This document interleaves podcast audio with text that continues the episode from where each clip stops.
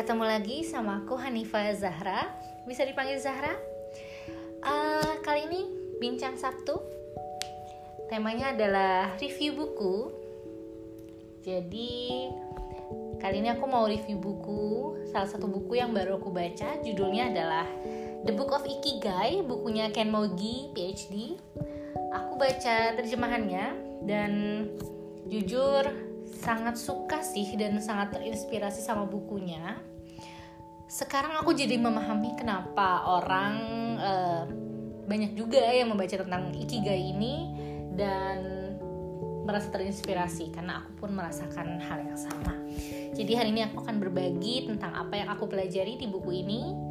Uh, selamat menikmati dan semoga bermanfaat ya. Oke, okay, Baik, jadi di buku yang aku baca ini menjelaskan sedikit tentang um, nggak sedikit tentunya ya banyak tentang ikigai, tapi nggak cuma tentang ikigai itu apa, juga uh, implementasi dari ikigai dalam kehidupan kita sehari-hari. Uh, ikigai itu sebenarnya apa sih gitu ya? Ikigai itu kalau misalnya dari arti katanya itu atau dari hmm, katanya sendiri itu terdiri dari dua kata yaitu iki artinya untuk hidup dan gai artinya itu adalah alasan. Jadi ikigai itu sebenarnya adalah alasan untuk hidup.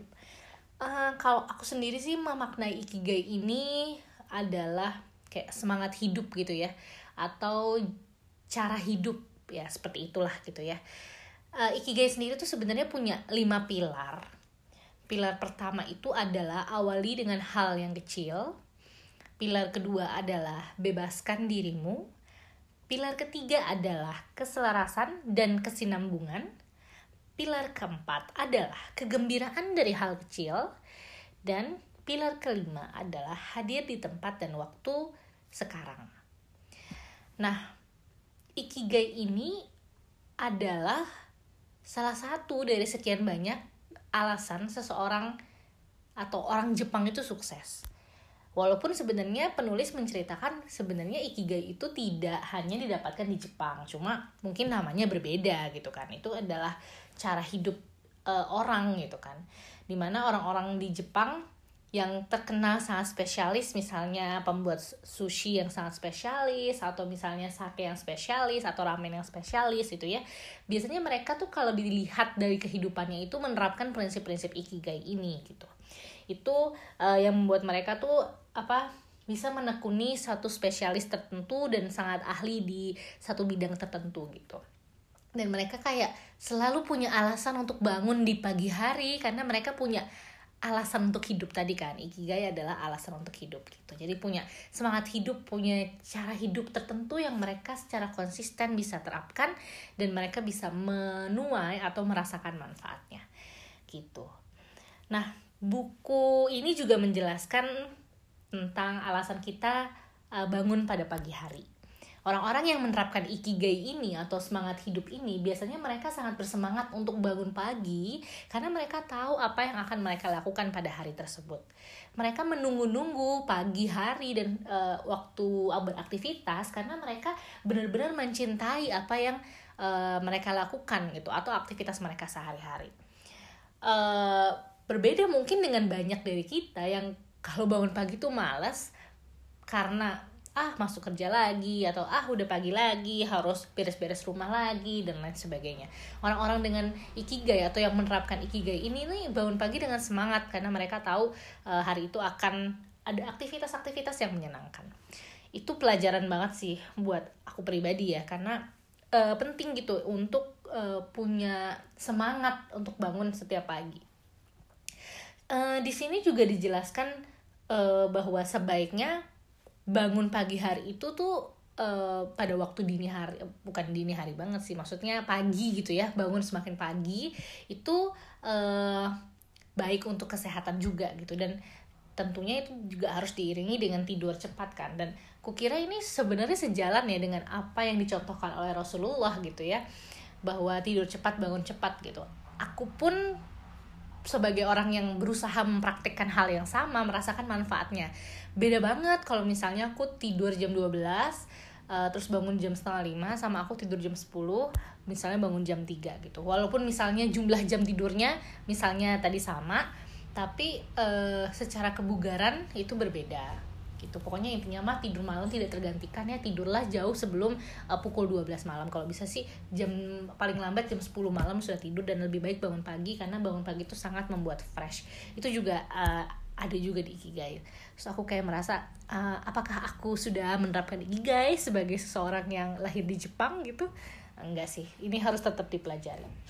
Terus kemudian orang orang-orang Jepang juga memperhatikan atau berkomitmen kodawari ya istilahnya pada hal-hal yang kecil gitu ya dan bisa melihat atau manfaat dari berpikir mengenai hal-hal yang kecil gitu. Orang-orang Jepang tuh sangat detail banget. Kalau kita ke Jepang semua kemasan mereka dari kita beli oleh-oleh misalnya atau beli belanja apa snack atau misalnya apa pun pasti mereka tuh punya packaging yang sangat-sangat lucu dan detail oriented banget. Jadi kayak itu adalah e, cara hidup mereka memang mereka memperhatikan hal-hal detail gitu. Dan keindahan keindahan visual itu adalah hal-hal yang membuat diri ini bersemangat gitu. Memang setelah aku baca-baca sih memang benar juga ya gitu. Terus kemudian selanjutnya juga uh, di buku ini atau Ikigai juga menceritakan tentang bagaimana kita menemukan makna hidup kita. Dan aku belajar tentang suatu hal yang baru yaitu tentang kehidupan para pesumo gitu ya. Itu kan sumo itu kan adalah olahraga yang khas dari dari Jepang gitu. Nah, ternyata pesumo ini nih ada tingkatan karirnya, tapi nggak seperti biasa sama seperti dalam hukum di dunia ini bahwa nggak semua orang bisa mencapai puncak gitu ya.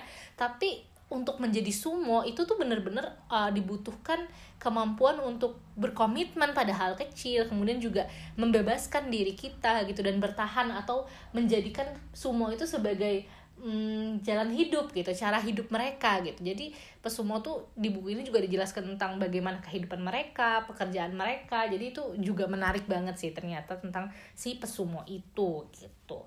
Terus kemudian juga mm, ada hubungannya dengan Ikigai itu juga dengan kebahagiaan.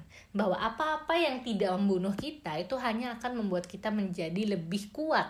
Seperti misalnya Jepang ketika menghadapi bom pada perang dunia ataupun karena mereka ini adalah negeri yang sering gempa dan mereka ini sering rusak atau misalnya sering uh, ya intinya gedung-gedung sering hancur dan lain sebagainya mereka tuh bisa recovery dengan baik gitu. Nah itu adalah semangat yang gak semua negara bisa melakukan hal tersebut. Itu adalah hal yang perlu banget kita contoh gitu ya minimal dalam lingkup individu kita gitu bahwa uh, ketika kita jatuh kita, kita jangan lupa untuk bangkit lagi dan bahkan lebih baik lagi daripada sebelumnya gitu ya.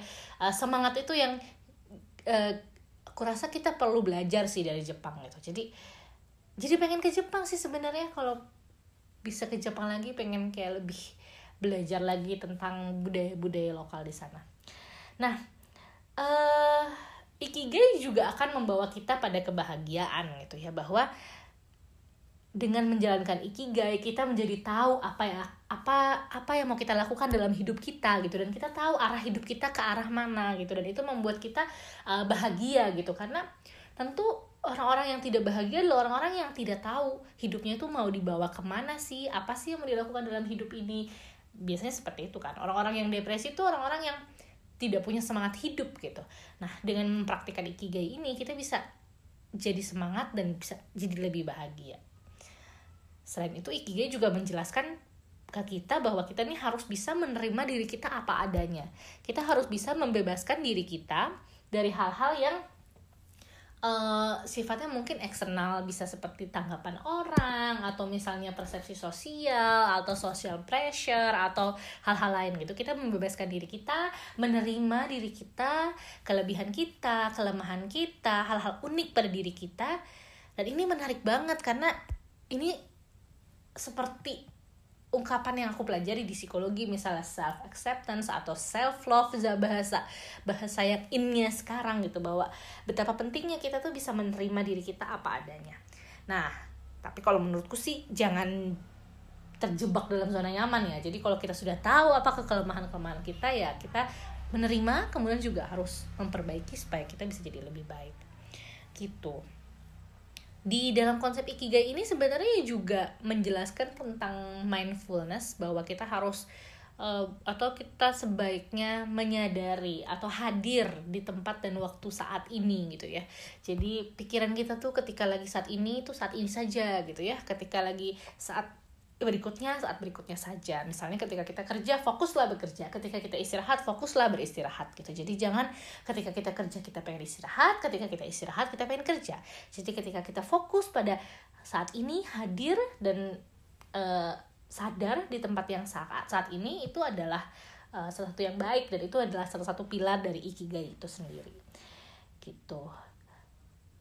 Menurutku sih ikigai ini menarik ya. Karena aku pribadi suka sih uh, konsep memberikan perhatian pada hal-hal kecil kemudian membebaskan diri kita kelebihan kelemahan kita dari anggapan orang lain atau perbandingan dengan orang lain agar kita bisa lebih menerima diri kita gitu. Kemudian juga memperhatikan keselarasan kesinambungan gitu. Faktor-faktor visual yang enak dilihat itu pasti lebih bagus dan lebih membuat kebah membuat bahagia gitu.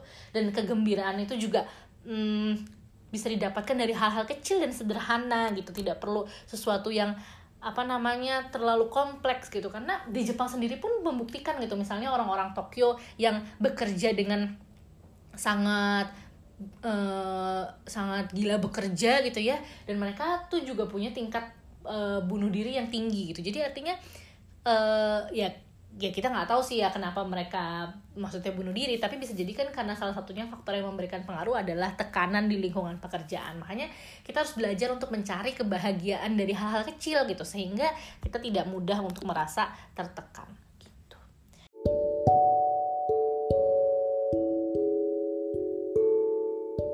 Sih itu sih yang aku pelajari sih dari buku ini dan aku sejujurnya tertarik banget untuk belajar lagi tentang ikigai Uh, jadi kalau ada yang punya rekomendasi buku ikigai lain uh, bahasa Indonesia atau bahasa Inggris uh, apa namanya kasih tahu aku